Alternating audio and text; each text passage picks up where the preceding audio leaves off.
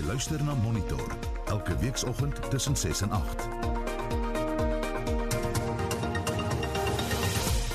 In die tweede helfte van Monitor vanoggend ons praat met twee kenners oor die regering se moontlike verandering van regulasie 28 van die wet op pensioenfonde. En sterrekundiges skrap kop oor die skielike verdwyning van 'n blou reusster. Goeiemôre, ek is Gustaf Greiling. En ek is Anita Visser.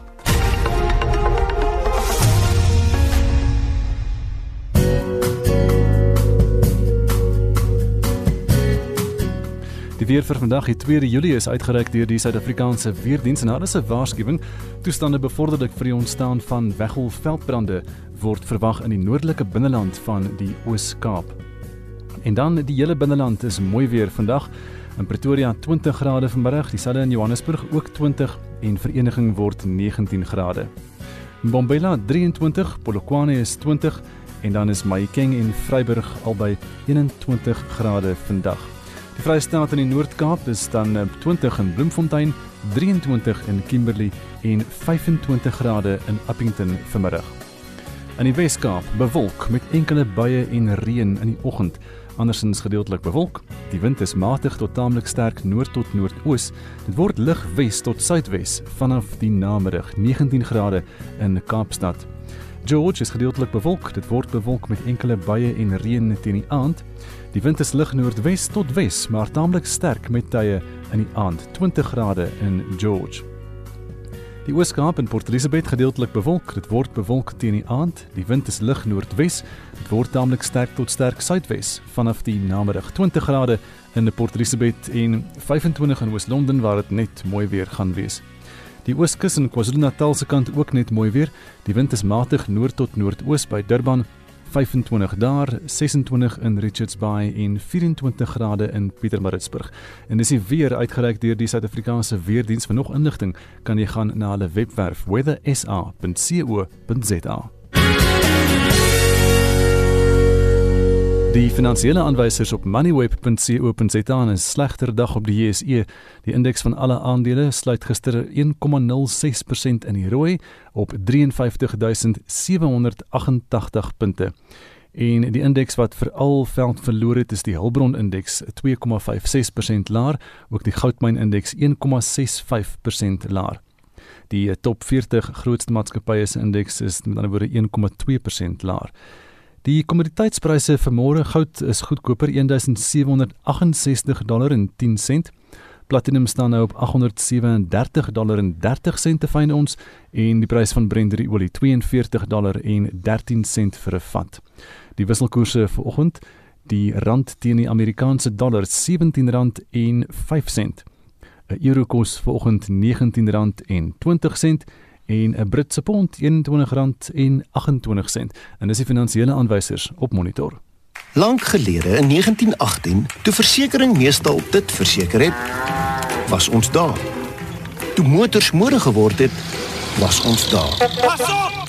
Toe 'n tornado Rodepoort in 48 getref, aardbewing Tulbagh in 69 geruk en 'n vloed Lensburg in 81 verswelg het, was ons baie beslis daar.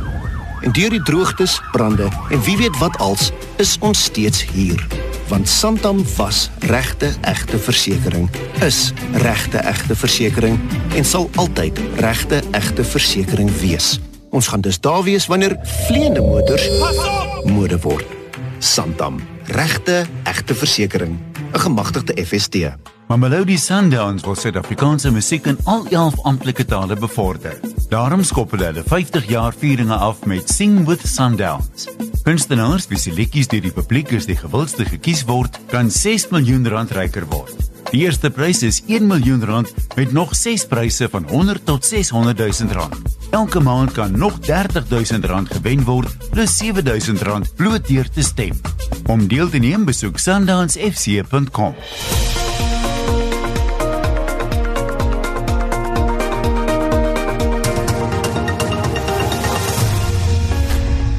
Monitor het baie terugvoer gekry op gister se onderhoud met Adame Stemmet, woordvoerder van die Vereniging vir die Monitering en Bevordering van Staatsdienspensioenfonde en vir die wat daardie onderhoud gemis het. Die kruks daarvan was staatsdienspensionaarsse se kommer oor die regering se moontlike verandering van regulasie 28 van die wet op pensioenfonde. Hier is 'n klankgreep uit gister se onderhoud. Een wet wat hulle nooit in ag neem nie, is Daar's 'n wet, wet 13 van 2006 van artikel 30 baie duidelik is. Hierdie wet, artikel gaan oor ek ek haal die Engels aan financial economic abuse and exploitation of elderly persons. Volgens daardie artikel kan 'n ouer persoon se pensioen, sy bates ensovoorts ensovoorts nie aangetast word sonder behoorlike oorlegpleging met daardie mense en sonder duidelike begrip by daardie mense nie. Dit is maar een wet. Dan is natuurlik die staatspensioenwet ook. Artikel 3 is baie baie duidelik waarvoor mag die geld en moet die geld gebruik word. Regulasie 28 is nie van toepassing op die staatsdienspensionarisse nie. Maar die Raad van Trustees het lank gelede ingestem, vrywilliglik ingestem dat daardie regulasie van toepassing kan wees op ons pensioenfonds. Nou of dit nou nog in vandag vatbaar is of dit nou nog so behoort te wees of dit nou nog in belang van die pensionaarsse is dat ons nog altyd regulasie 28 aanvaar. Daaroor moet mense maar self besin as hulle kyk hoe word daar gemors miljarde gemors en terloops wat die ontwikkelingsfondse aanbetref. Plaas dit vir ons dat um, meneer Mboweni se toespraak nou die dag het hy nou baie vertel van die uitgawes van die staat. Maar as jy mooi kyk daarna, daar is niks gesê van beleggings in ontwikkelingsprojekte nie. Daar word nou geld geleen om skuld te betaal. Skuld gemaak om skuld te betaal. Wat werklik waar nie so kan aangaan nie. Nou wil ek vir julle sê, die staatspensioenfonds kan hierdie soort van spelletjies en avonture van die regering nie langer bekostig nie. Adamus is baie interessant wat jy sê daarvan regulasie 28 en dat dit nie van toepassing is op die staatsdienspensioenfonds nie. Hoe verstaan jy die regulasie want dit beperk reeds waar geld belê mag word en waar nie? Dit beperk waar geld belê mag word en waar nie en en onder andere beperk dat die staatsdienspensioenfonds op sy buitelandse belegging. Die pensioenfonds is verplig om ten beste te belê altyd. En ten beste is nie altyd in die buiteland nie, maar daar kom geleenthede voor waar dit ten beste is. En op die oomblik is hulle uiters uiters beperk. Ek dink daardie instelling van regulasie 28 deur die raad het gestel so vinnig as moontlik teruggetrek word. Nou vir sy reaksie hierop praat ons nou met die regskenner professor Llewellyn Kerloos van die Universiteit van Pretoria. Llewellyn, goeiemôre. Goeiemôre Gustaf. Kom ons fokus eers net op hierdie wet 13 van 2006 wat dit duidelik stel dat pensionaarsse nie uitgebuit behoort te word nie. Ja, dames stem met voel die wet word geïgnoreer. Wat is jou mening daaroor? Ja, dit is natuurlik so. Um, kom ons sê dit sommer mekaar reg uit die die die enigste en die basiese doelstelling van daardie wet is nie noodwendig daar om bejaardes op enige wyse teen uitbuiting te beskerm. Jy weet, uh, uit uit uit verwys na daardie wet en dan het hy natuurlik ook na die staatsdienspensioenwet verwys en uh, spesifieke regulasie 28. Nou, jy weet met alle respek en ek moet dit ek moet dit miskien net in in doodgewone Afrikaans probeer verduidelik. Ehm um, want daar's nou baie gesê oor regulasie 28, maar regulasie 28 gee dood eenvoudig uitvoering aan artikel 36. Nou nou, nou moet mense 'n klein skrif hierso lees. 1 sub klein b sub groot b van die pensioenfondswet. Nou die wet beperk die mate waartoe aftreefondse soos byvoorbeeld uitreaniteite 'n spesifieke tipe kategorieë of bates mag belê. Die hoofdoel van van artikel van regulasie 28 verskoon tog is om die lede se aftree voorsiening te beskerm teen die uitwerking van beleggingsportefeuilles wat onvoldoende gediversifiseer is. En dit is nou hierso waar die waar die reservebank byvoorbeeld ook inkom. En dit word gedoen deur 'n beperking te plaas op die maksimum blootstelling aan meer aggressiewe bateklasse wanneer beleggingsfondse geselekteer word. Dit speel 'n belangrike rol om te probeer seker maak dat lede se aftrede spaargeld hulle van voldoende inkomste na aftrede voorsien. Jy sal sien, regulasie 28 sê sit sekere beperkings op die bateklasse, byvoorbeeld aandele 'n maksimum van 75% genoteerde eiendomme 25%, buitelandse bates 30% en verskansingsfondse so 10%. In ander woorde, die doelstelling daarvan is dood eenvoudig om seker te maak dat ons mense se aftreef geld so be, so goed as moontlik uh, belê sodat daardie fonds nie bankrot speel aan die einde van die dag nie en dat daar uiteindelik vir daardie mense wanneer hulle op hulle ou dag is iets oorbly om van te lewe. So terwyl jy sê regulasie 28 soos hy nou daar staan is eintlik 'n goeie ding. O, absoluut.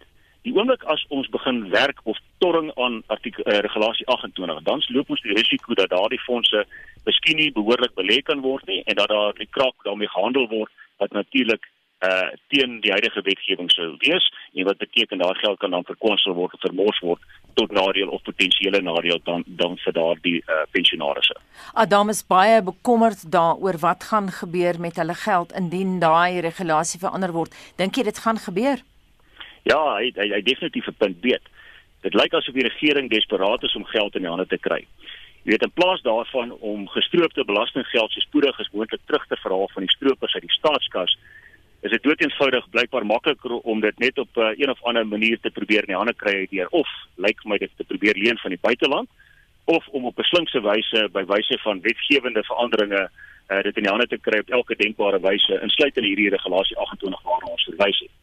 Jy weet as dit enigstens 'n aanduiding is van die pad vorentoe dan is hierdie wet net die begin van nog baie innoverende idees deur die regering om by wyse van oorverblindery Jan Publiek net nog verder te melk vir hulle eie gewinne as jy my vra.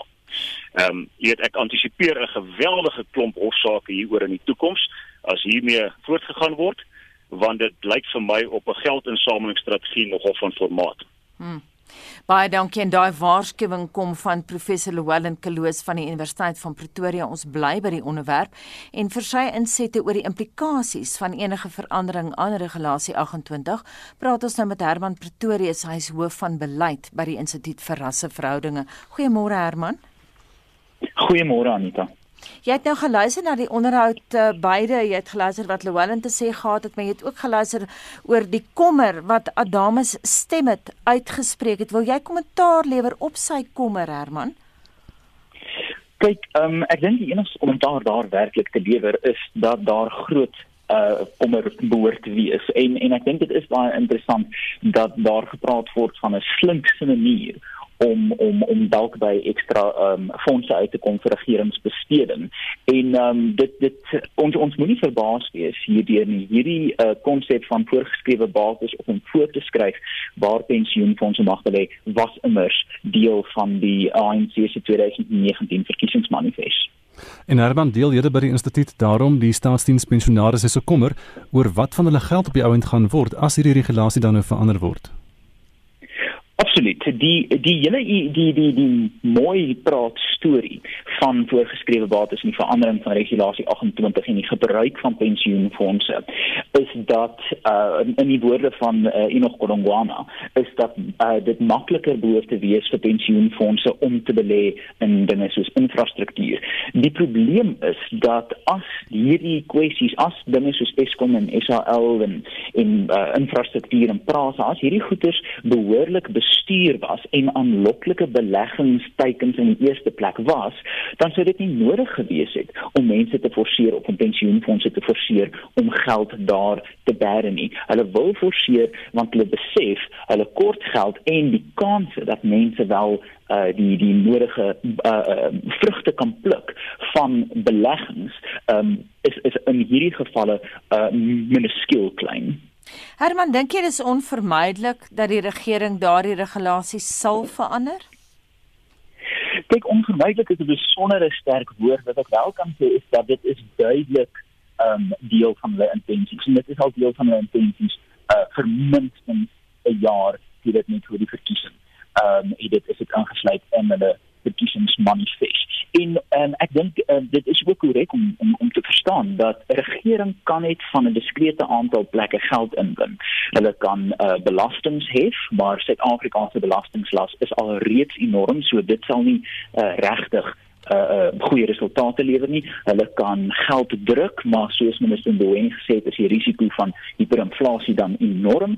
Hulle kan geld vanaf die buiteland leen, soos ons sien die regering reeds die een is genader het. Hulle kan besteding besnoei wat nie regtig het op die kant het nie of hulle kan op een of ander ander kreatiewe manier 'n bietjie bates onteien om op te maak vir daai ehm um, tekort aan fondse. Herman, hoe bekommerd moet privaat pensionaarsse wees oor hulle fondse want hierdie regulasie 28 geld vir ons almal, né? Ja, Ehm um, die die ding is mense dit nie dink nie, maar Suid-Afrika het een van die top 10 grootste pensioenpotte in die wêreld in dollar terme. So mense kan amper die versoeking ehm um, uh, van 'n van 'n regering verslag van bestuuring verstaan om te dink hierdie is 'n baie aanloklike plek vir baie lekker geld. Maar as mens gaan kyk na die analise van ekonom Mike Schuessler, uh, sien mens dat ehm um, hierdie is omtrent 11 miljoen Suid-Afrikaners as mens in ag neem die afhanklikes affekteer dit 33 miljoen Suid-Afrikaners. As mens gaan kyk na die grootte van die uh pensioenfonds, die publieke sektor pensioenfonds, is dit omtrent 1.2 aktiewe lede. So jy kyk na miljoene, amper 10 miljoen Suid-Afrikaners in die private sektor wie se pensioene dan moontlik op die spel geplaas kan wees. En ek sê weer, hierdie is onnodig as hierdie dinge waarin hulle die geld wil belê in eerste plek goed bestuur was dan sou mense graag daarin wou belê en pensioenfonde graag daarin wou belê. Hulle weet dit is nie die geval nie, so hulle moet dit hulle moet 'n bietjie forceer. Praat die instituut vir rasse aangeleenthede met die regering oor julle kommer en julle sienswyse hieroor. Ja, uh, ons ons probeer uh, soveel as moontlik uh, met die regering uh, praat en en ons moet heeltemal eerlik wees, die regering is deeglik bewus um, of baie groot gedeeltes van die regering is deeglik bewus van die risiko's wat hulle hier loop.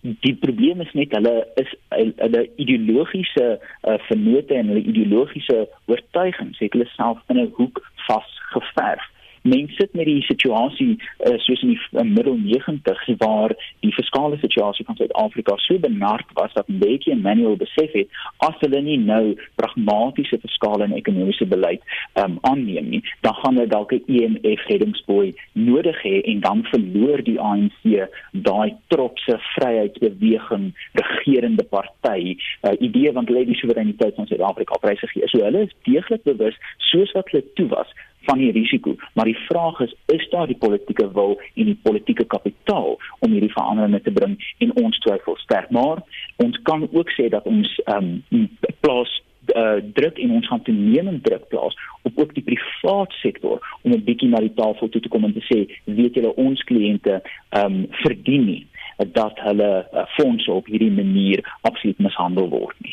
Herman, as jy nou 'n voorspelling moet waag, hoe voorsien jy gaan die saak om uitspeel gegee dan die groter wordende druk wat die burgerlike gemeenskap op die regering plaas nou?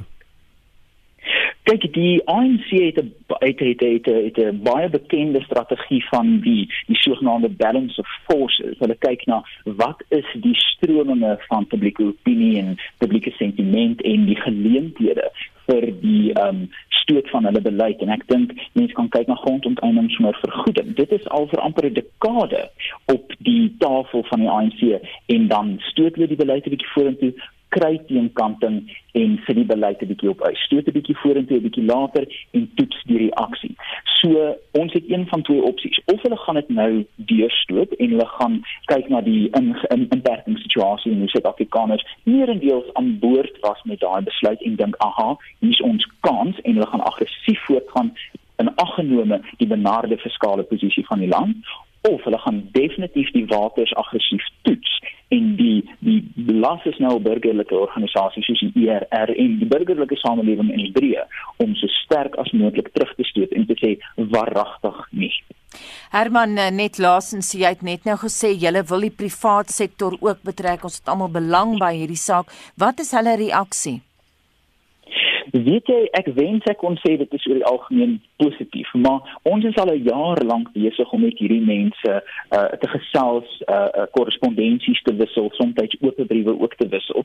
En ons sien dieselfde ding met uh, hierdie kwessie as wat ons gesien het met grondonteiening sonder vergoeding en die banke. Ons vra is julle bereid om nou vir julle kliënte te sê dat julle sal vir hulle belange opstaan kom wat wil En die antwoord wat ons so gereeld kry is ons sal gehoorsaam wees aan die wetgewing en die regulasies. En ons dis nie wat ons gevra het nie. So dit is 'n dit is 'n stryd en mense kan amper verstaan hoekom uh, korporatiewe Suid-Afrika 'n uh, bietjie huiwerig is om polities standpunt in te neem. Maar hulle moet ook besef dat as hulle dit nie doen is daar gevolge vir hulle kliënte en dis ook vir hulle. En daai waarskuwing kom van Herman Pretorius, hy is hoof van beleid by die Instituut vir Rasseverhoudinge. Dis nou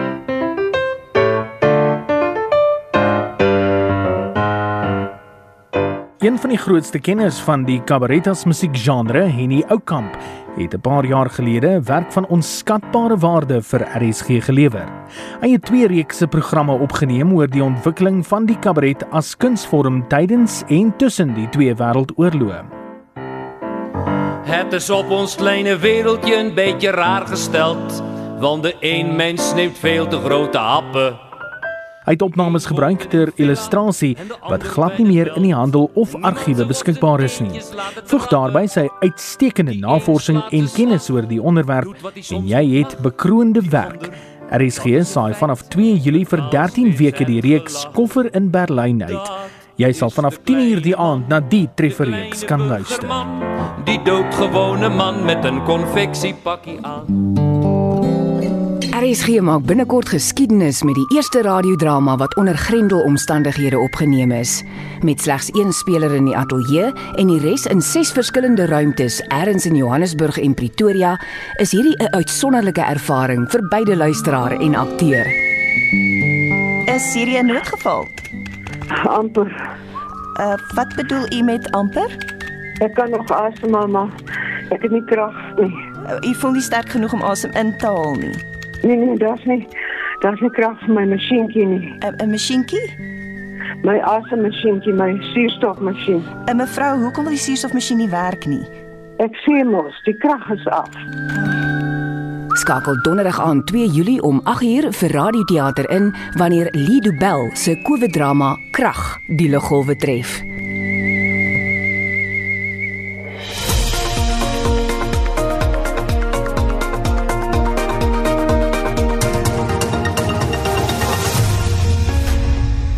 Dis nou 26 minute oor 7 is ingeskakel by Monitor op RSG. En die politieke wetenskaplike professor Dirk Kotse van Unisa en die Efficient Groep se hoofekonoom Dawie Rood het vroeër die week op Monitor die einde van die ANC SHKP Kosatu alliansie voorspel. Kom ons luister na 'n klankgreep uit daardie onderhoud.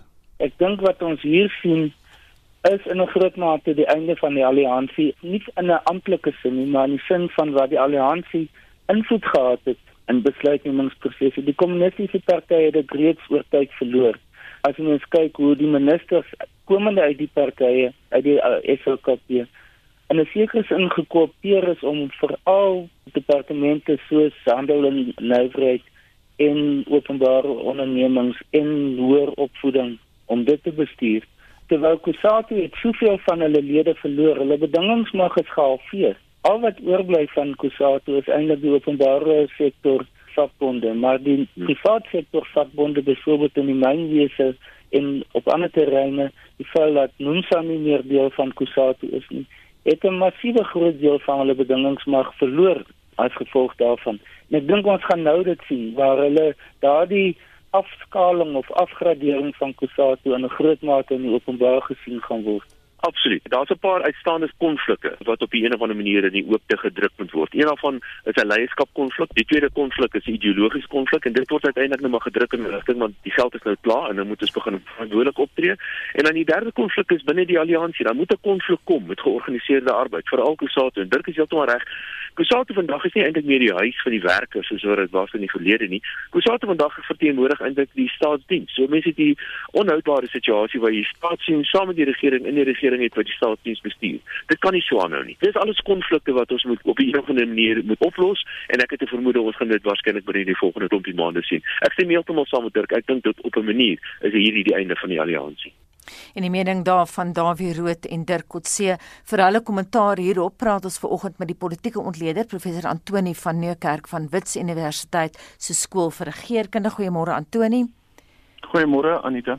En dan Dr Chris Harmse, hy is hoof-ekonoom by die Rebalance Fonds bestuurders. Goeiemôre Chris. Moranita. Kom ons begin by jou Antoni, jy het nou geluister na ons insetsel, jou reaksie op Dirk en Dawie se menings. Ja, nee, ek ek, ek dink hulle hulle slaan die spyker op die kop. Ehm um, en dit is dalk die begin van die einde van die regerende alliansie.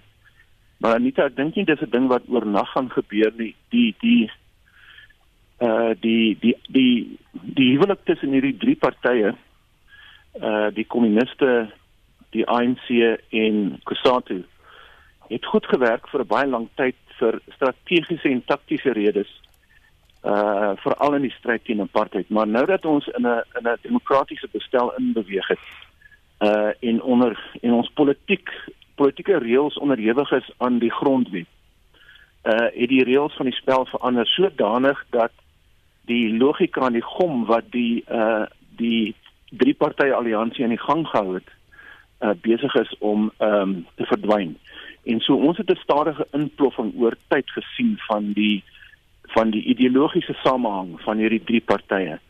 Ehm um, ek dink dat die SHKP en Kusatu nog steeds invloedryk is, maar dit neem af en die vraag wat ons dalk vir mekaar moet vra is op watter stadium gaan die drie gaan die gaan die egskeiding plaasvind gaan die drie hulle eie pad stap en wat gaan die implikasies daar daarvan wees vir die politiek van die land en ook vir die partytetiese terrein. Antonie net vir 'n oomblik wil ek by jou stil staan. Jy sê wanneer gaan dit gebeur? Wil jy 'n voorspelling waag? Dis gevaarlik om sulke tipe van voorspellings te waag te waag want ons het al reeds in 1994 gedink, okay, nou het die ANC gewen, Nelson Mandela is die president. Wat is eintlik nou die plek van die kommuniste en wat is die plek van georganiseerde arbeid? Want die reëls van die spel het inderdaad verander. Ehm um, Maar om 'n klomp redes het hulle bymekaar gebly vir 'n lang tyd en niemand kon eintlik voorspel. Dis soos om te voorspel wanneer die Berlynse muur gaan val. Wanneer gaan wanneer wat is die keerpunt wanneer 'n ideologie so bankrot raak dat die alternatiewe aantreklik raak?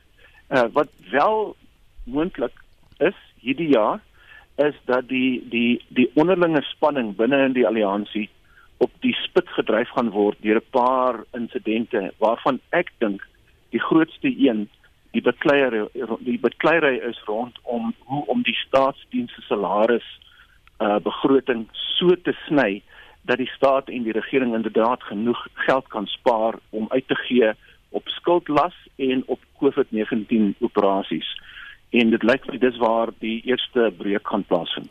Nou Chris, jy volg die arbeidspolitiek van die land. Het jy enige reaksie op Dirk se stelling dat Kossatu se bedingings mag gehalveer is met die feit dat byvoorbeeld Nomsa nou nie meer deel is van die alliansie nie? Uh, Gustav, ja, uh, ons moet onthou en dit is wat Antonio daar gesê het. Aanvanklik was Nomsa die hoofgeskiel uh, binne Kossatu. Hmm. Maar hy was meer aan die linkerkant. Ehm um, en hulle was eintlik gebrandmerk as die sogenaamde hokers hokers net vir die werkers en hulle wou eintlik die arbeidsbeweging los van die ANC hê hulle het al in 1993 met 'n wegbreek alliansie uh, met 'n mosie deur Majeseko gekom wat nie aanvaar is nie so is dit werk hier dit 20 jaar later gevat en sê die beweging veral ook na die Marikana slag slagting né uh verder van Kusatu beweeg tot en met met met, met sy en meneer Wabi se skorsing en toe staan skielik 300 000 lede minder. En dit is hierdie halvering. Um en soos wat Bobby sê, if there is unity, they must get out of the bed with the employers and join us. Dit kom weg van die staat af. Nou dan het ook die onttrekking van die EFF het beslis Kusatu se bedingings mag verminder en tans is 58% van sy lede staatsamptenare en, en hulle te behou. Definitief met die regering gaan hulle met die met die regering sware kry uh en met dreigemente om te onttrek en veral nou dat sy groot bond bondgenoot Jacob Jacob Zuma nie met haar is nie. Gaan hier nou 'n konflik kom en hier gaan 'n botsing kom.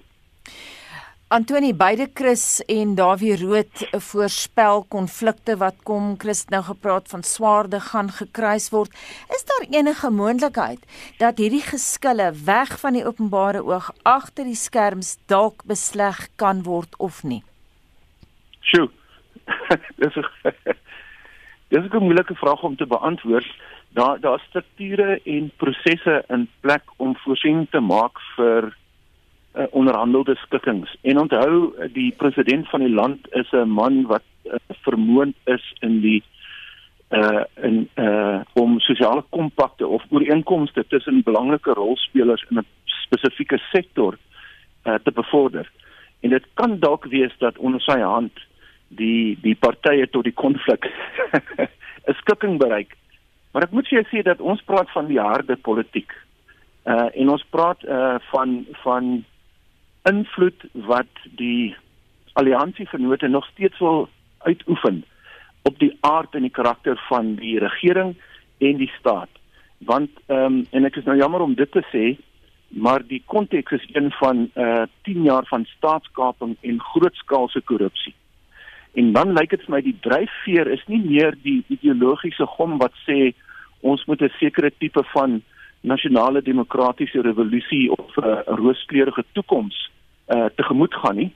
Dit gaan eerder daaroor om kadreis of kamerade te ontplooi in posisies wat belangrik is waar staatskaping dan voortgesit kan word of waar korrupsie uh sonder inmenging uh, uh gepleeg kan word. En dit lyk vir my as dit die dryfveer is vir die belangstelling van uh die die twee partye in die drie partye alliansie. Dan praat ons nie meer van 'n ideologiese konflik nie, dan is dit meer kru as dit. En dan gaan daar inderdaad ehm um, 'n grootskaalse konflik ehm um, uh op die horison wees want dit lyk vir my uh as mense se sakke geraak word en jou salaris word gesny of of die uh die groot die die die skaal van die die aantal mense in die staatsdiens moet verminder word. As dit 'n opsie is wat die minister van finansies en president Ramaphosa gaan druk, dan gaan mense terugbeklei en hulle gaan van allerlei taktieke gebruik maak. En ons het dit al in die verlede gesien. Antonie gepraat daarvan, hoe dink jy gaan die SAKP dit speel? Daar's 'n paar baie prominente kommuniste in beheer van universiteite en nuwe lugdienste en sulke dinge. Ja. Weet jy, ek sit en kyk na uh Gustaf hoe wat die moontlikhede is dat van vers, versoening binne in die drie party alliansie. Maar ek ek sien eintlik minder en minder tekens daarvan want uh weet jy die die toekoms van die Suid-Afrikaanse lugdiens is dalk 'n mini gevalle studie uh, wat verder ondersoek kan word uh die een minister sê maar ons moet die lugdiens red en ons kan hom hervorm en in 'n ander manier uh laat voortleef. 'n Ander minister sê maar ons het gewoon nie geld om die ding aan die gang te hou nie. Binne in die kabinet is daar prominente en senior lede wat van mekaar verskil. Hulle sit ook ideologies of polities op verskillende hoeke in die in die kamer. Uh, daar's 'n kommunistiese invloed en daar's 'n privaat uh, soort van 'n kapitalistiese of as jy wil sosiaal-demokratiese eh, oriëntering ook binne in die kabinet. Hulle bots direk met mekaar en ons lees die uitkoms daarvan in die koerante elke tweede week of so. En ek dink nie daar's ruimte vir versoening nie. En so as dit as die saak op die spits gedryf word, Gustav, dan mag dit wees dat van hierdie ministers hulle poste gaan verloor. Hmm. Hierdie vraag aan albei van julle. Kom ons begin by jou uh Chris terug na die einde van die alliansie as jy nou dink aan daai klankgreep wat ons net nou ingespeel het. Dirk Coetzee het sy stelling oor die einde van die alliansie gekwalifiseer deur te wys na die einde van die alliansie nie in 'n amptelike sin nie, 'n soort de facto einde. Of hoe kom ons begin by jou Chris en dan 'n antwoord van jou Antoni? Ehm um, Anita ja, daai einde, daai einde gaan kom juis op hierdie ideologiese, kom ons sê ekonomiese uh selfverrykings afdrukings afdrukings taktik wat gebruik word deur Kusatu en deur die staatsvakbonde. Uh vir hulle gaan dit nou oor die salarisverhogings. Vir hulle gaan oor hierdie twee ideologieë wat in die lyk dit vir my soos Antoni sê in die kabinet is, party wil sê dat die radical economic transformation gaan 'n nuwe ekonomie wees gebaseer op investering investering in in in in in, in infrastruktuur ensovoorts dis die ekonomie aan die gang gaan kom.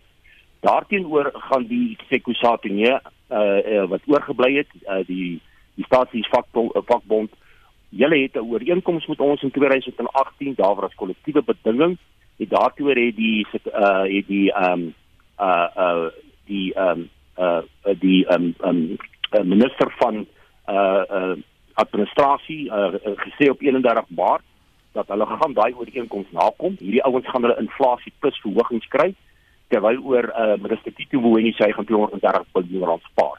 So hier kom 'n direkte konflik en lyk my die konflik gaan nou na die hof toe gaan. Hulle het klaar aangekondig dat hulle gaan met 'n hofsaak begin om hulle belange te beskerm. So hulle sien radical economic transformation waar die staat 'n groter rol speel investering en om ekonomie aan die gang te kom en werk te skep speel nie baie rol nie. Hmm. En ek het 'n vermoede hierdie daai konflik gaan op 'n spits gedryf word baie gou. Antoni Ja, uh, Anita, my my reaksie is dat uh, ons gaan nie ehm um, 'n uh, ehm um, 'n persverklaring lees van die ANC uit Lotuli House wat sê hier so die einde van die alliansie het op hierdie dag nou aangebreek nie en ons gaan nou formeel uitmekaar uit. Ek twyfel baie sterk dit gaan gebeur. Die die die invloed van hierdie twee partye op die ANC gaan taan oor tyd en dis 'n dis 'n lelike proses want ons sal nooit vergeet dat Thabo Mbeki het opgestaan eendag en gesê toe hy nog die president was die ANC lei nie die ander twee nie ehm um, en vir my het die skrif helderder geword toe ek gelees het in die koerant dat ehm um, dat die SAKP en Kusatu die nasionale ontwikkelingsplan as 'n neoliberale uitverkoop dokument beskou En daai nasionale ontwikkelingsplan is juist deur Trevor Manuel en Cyril Ramaphosa homself uh aan die gang gekry. En uh, so daar lê die die die slagorders is opgestel. Ek dink wat gaan gebeur is die SAKP en Kusatu is regtig vir die moeilikheid want die EFF en ander linkse partye kalwe, jy weet, die grond weg waarop hulle gestaan het. Dis nie meer asof jy in 'n verkiesing vir die vir die werkersklas en mense wat werk het kan sê stem vir ons nie. Daar's 'n 30 of persent of meer werklose stem wat iewers ter opgetel moet word. En dit lyk vir my die die linkerkant gaan gaan verval in 'n gekibbel onder mekaar oor wie nou eintlik die werkers en die werkloses gaan verteenwoordig. En as dit die geval is, het Cyril 'n kans om met die middelgrond weg te stap en die en die politiek te konsolideer. En Antonie op daardie noot, as die SHKP as 'n politieke party op sy eie aan 'n verkiesing moes deelneem, wat sou gebeur het? Ja, dis dis presies waarna ek nou dink en ons sal die implikasies daarvan dalk moet verder um, ondersoek. As hulle op hulle eie stoom uh, 'n uh, verkiesing wil veg, dan gaan hulle beklei met die EFF en ander linkses wat sê maar ons is die ware stem van die van die werkersklas of van die onderdrukte klas of van die swart klas.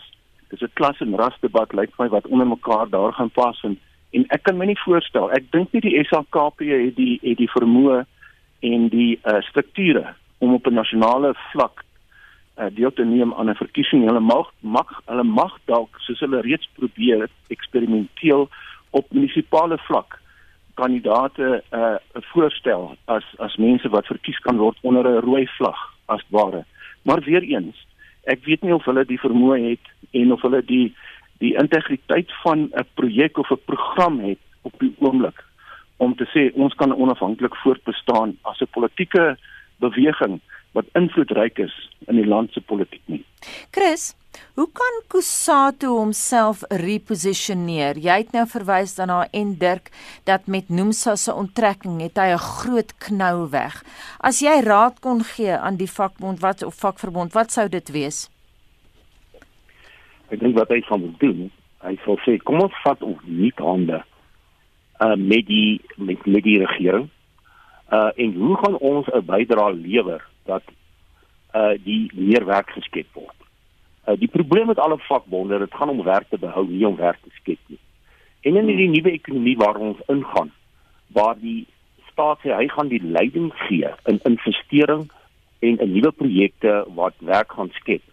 Ek dink dit gaan baie beter wees as die as Kusatu sê nou maar waar gaan ons hande vat om te help om uh werk te skep en te beskerm want sou die ekonomie verder in duie stort gaan dan net nie werksgeleenthede wees nie. Uh die staat kan nie meer langer hierdie werksgeleenthede skep nie. Uh dit sal in 'n uh, alliansie met die private sektor moet plaasvind. President Ramaphosa het gisterand gesê op sy imbiso en hulle gaan met 'n baie groot rol daar speel en dan kan hulle maar net weer hulle geloofwaardigheid opbou deur te sê ons is 'n party wat die werkers wil beskerm en ons is nie daar party om ons eie belang daar te sien en soos wat Antoni gesê het wat kan ons nog hier uit uh, vir onsself inpalm nie Ja, die uh, persone daar aan die woord was Dr. Chris Harmse, hy's hoof-ekonoom by die Rebalance Fonds bestuurders en ons het ook ver oggend gepraat met die politieke ontleder professor Antoni van Nieuwkerk van Wits Universiteit se skool vir regeringskunde. Baie sake eienaars navigeer tans onbekende terrein. Ons vra nuwe vrae soos hoe kan ons help om onsself en ons kliënte veilig te hou, ons besigheid aan die gang te hou en kliënte by te staan wat van die huis af van ons wil koop. Maar onthou, ongeag hoe moeilik ons situasie, saam met 'n bietjie hulp kan ons hierdeur kom. Ons kan jou help om binne 24 uur 'n QR speedpoint op die FNB app op te stel. Jy kan dan in 'n kits QR-kodes genereer om na jou kliënte te stuur vir onmiddellike betaling. En saam kan ons help om onsself, ons besighede en die ekonomie aan die gang te hou. Laai die FNB app af of besoek fnb.co.za en ons wys jou hoe. FNB, hoe kan ons jou help? First National Bank is 'n afdeling van First Rand Bank beperk, 'n gemagtigde FTV en kredietverskaffer, besenfees geld. Spyskaart is terug. Julle onthou vir chef extraordinaire Lindy. En natuurlik ons stervensoet chef Jolani. Fusion food liefhebber Jessica En kosstele chef Chad. Kook die keer saam. Ons is op 'n missie om die land se beste bestanddele op te spoor. En dan ons gunsteling resepte met julle deel. Van voorgereg tot nagereg, soet tot sout. Dis Spyskaart, jou 3-gang menu na die oorsprong van lekkerte. Whoa!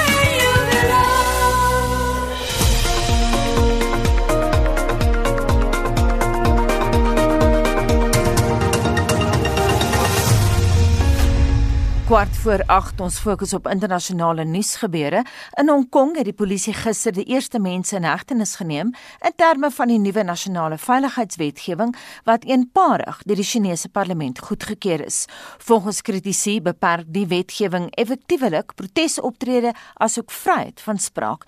Essie de Klerk berig vanoggend hieroor en ander wêreldnuusgebeure. Môre Estie Môre Anita, die nuwe veiligheidswetgewing sal radikale verandering bring aan die voormalige Britse kolonie se lewenswyse sedert dit 23 jaar gelede terugbesorg is aan die Chinese regering. Nou Skades het gister die 23ste jaar van Britse onafhanklikheid herdenk. Die pro-demokratiese saamtrek is deur duisende mense bygewoon wat beteken dat die regering se COVID-19 maatreël dat byeenkomste deur slegs 50 mense bygewoon mag word verontagsaam is. Die polisie het waterkanonne, traangas en peperspray gebruik om skades uitmekaar te dryf. Een polisiebeampte is met 'n skerp objek in die arm gesteek. Die nuwe veiligheidswetgewing is gemik teen pogings om gesag te ondermyn, teen terreur en afstigting.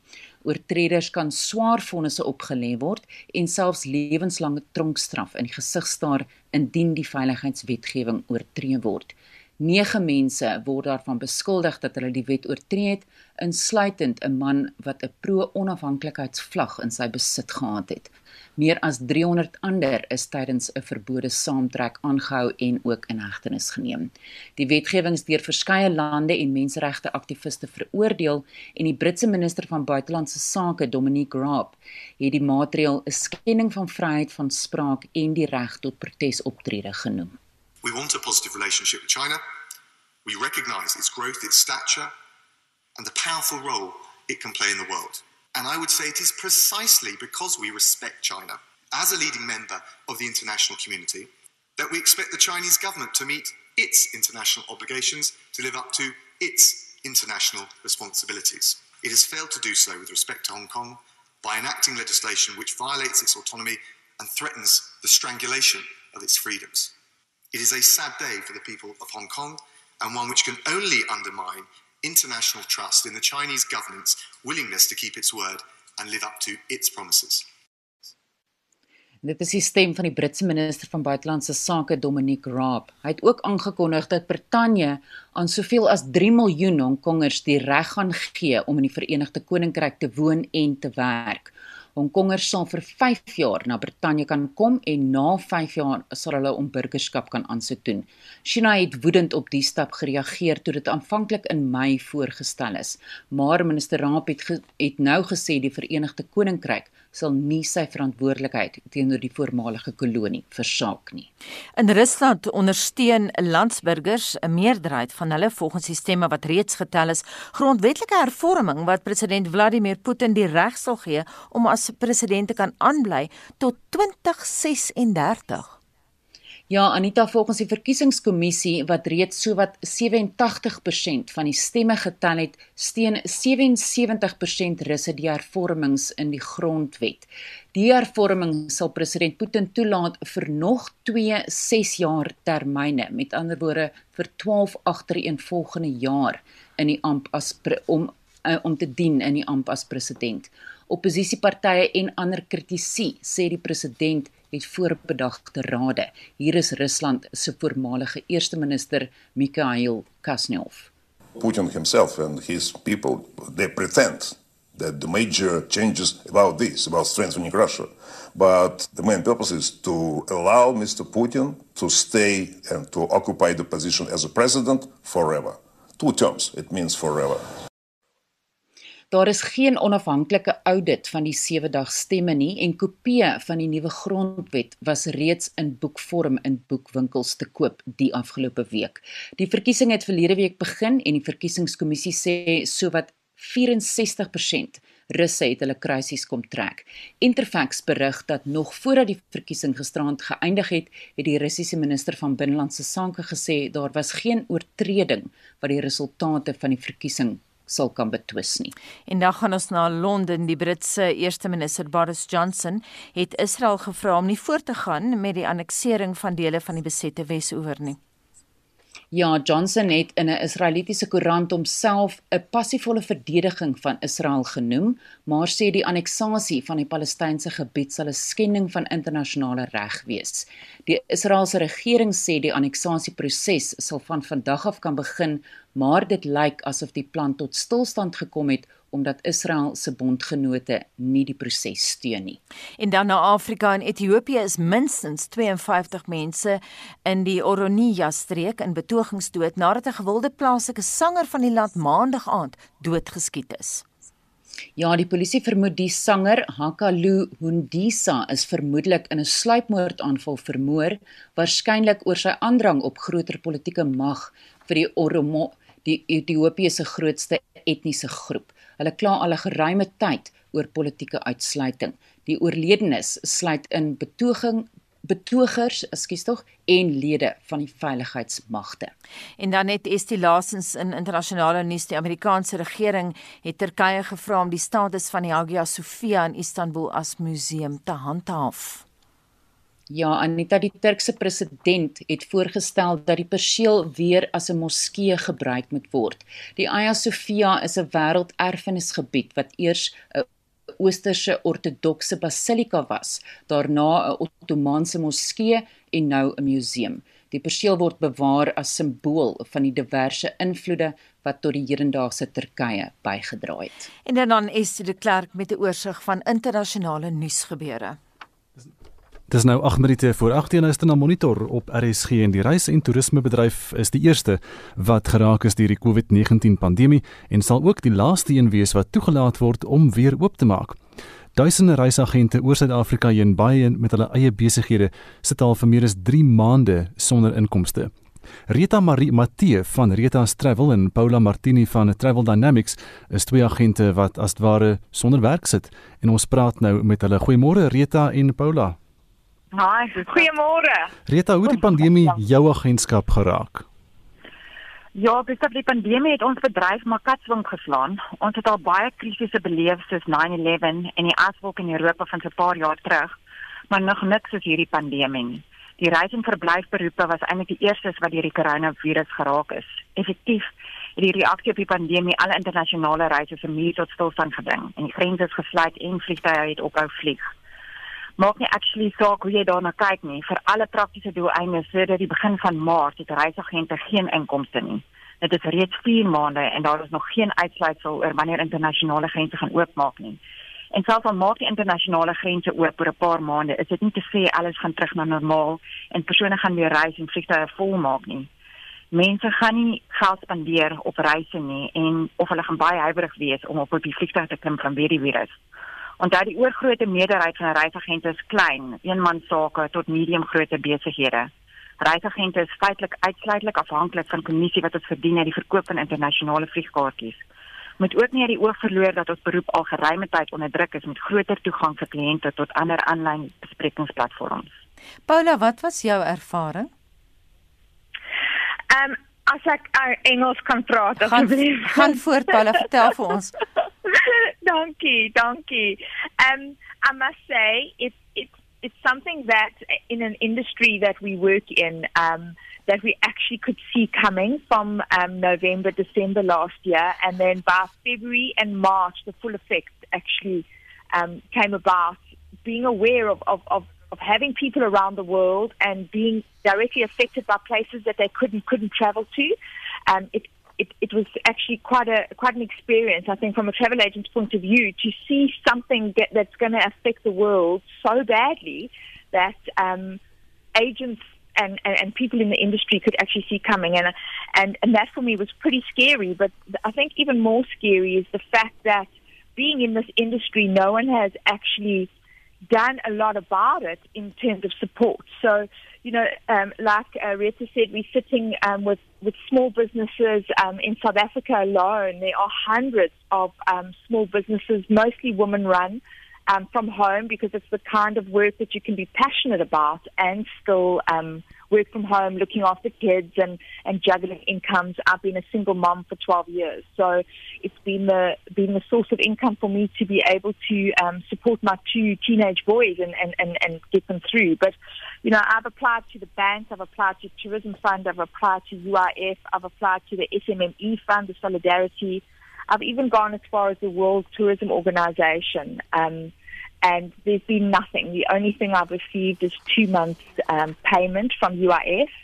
And um, can you believe the bank? It seems as if the SMME fund um, has been given the authority or given the authority to the banks to administrate a lot of that money um, that has been allocated to the SMMEs. And the funny thing with the bank is they give you three months um, relief so that you can cover operating costs but in the tourism industry, you know, you, you're sitting with borders closed, um, provinces closed. We can't issue air tickets. We can't get people traveling, whether for business or for leisure.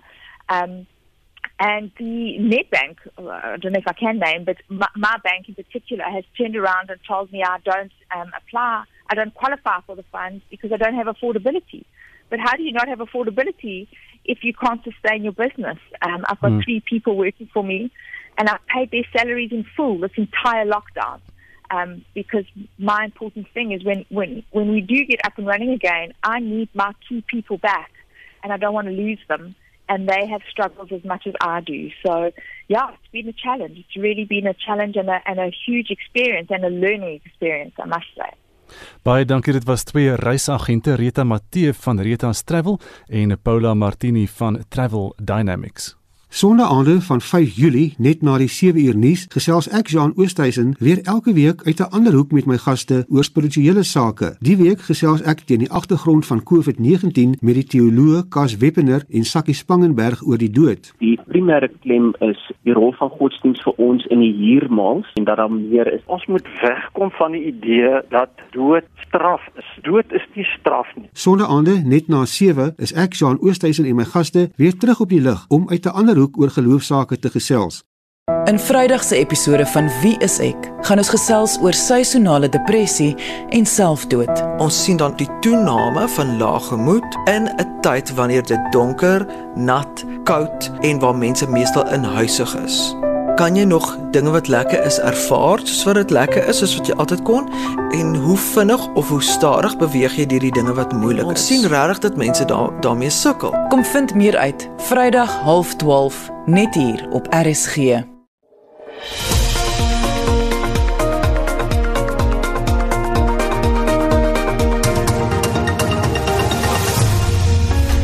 Dis so 3 minute voor 8 en treindienste is gister in drie provinsies hervat in die Wes en Oos-Kaap asook in Gauteng. En dit gebeur onder streng regulasies soos 'n beperkte aantal pendelaars en in die Wes-Kaap is die bedryfsplanne en die nakoming van COVID-19 regulasies getoets en die eerste passasiers is verwelkom op die roete tussen Retreat en die middestad. Pendelaars word aangeraai om vroeg op te daag vir die sanitasieproses en temperatuurlesings. Slegs sowat 30 tot 50% van die normale aantal passasiers word toegelaat en die treine word voor die terugtog eers ontsmet. Vincent laaste kans vir terugvoer van ons luisteraars. Ons begin sommer met 'n lekker lang SMS wat ons gekry het. Sê my radio is aan vandat ek wakker word tot ek gaan slaap. Sover ek kan, mis ek niks. Ek waardeer die aanbieders wat oulike antwoorde bevraagteken, veral van politici. Ek waardeer julle onderwerpe waarvoor publiek kan terugvoering kan gee, aangesien mense so gereeld geboelie word deur staatsamptenare wat moetswillig nie hul werk doen nie. Dit is baie erg in Gauteng in die Wes-Kaap sê sy. Nou tydens Covid ehm um, was sy alleen maar RSG het my nooit alleen laat voel nie. Dit het gevoel asof my huis vol mense was. Jul musiek het ek geniet oor die algemeen die afwisseling tussen die verskeidenheid tussen die 80s, Afrikaans en klassiek. En maar Anita dan toe 'n stemnota gekry. Kom ons luister gou. Ja, nie so. Uh, my gunsteling programme is al die hele aktuelle programme. Gunsteling musiek, ek hou van die 60 en 70er jare se musiek en Is die hoe lyk die dagboek vir Spectrum later vanmiddag? Gustaf georganiseerde arbeid by die SAIK dreig om hulle tot die hof te wend nadat die uitsaaiere eisbrief oor die afleggingsproses by die korporasie geïgnoreer het. Die ANC sê dat hy die moontlikheid ondersoek om 'n basiese inkomste toelaag in te stel. Ons kry reaksie op die nuus en die Kaapstad Metro skors beamptes wat betrokke was by 'n voorval waar tydens 'n naakte man tydens wetstoepassing hardhandig hanteer is. Skakel in vir Spectrum tussen 1 en 2 vanmiddag. Ons groet namens ons waarnemende uitvoerende regisseur Hendrik Martin. Die man in die baie warm stoel vanoggend was Wessel Pretorius en ons produksieregisseur Lewona Bekes. Bly ingeskakel vir praat saam volgende hier op RSG met Lenet Fransis Puren. Ek is Gustaf Vreiding en mooi bly tot môreoggend om 6:00. En my naam is Anita Visser.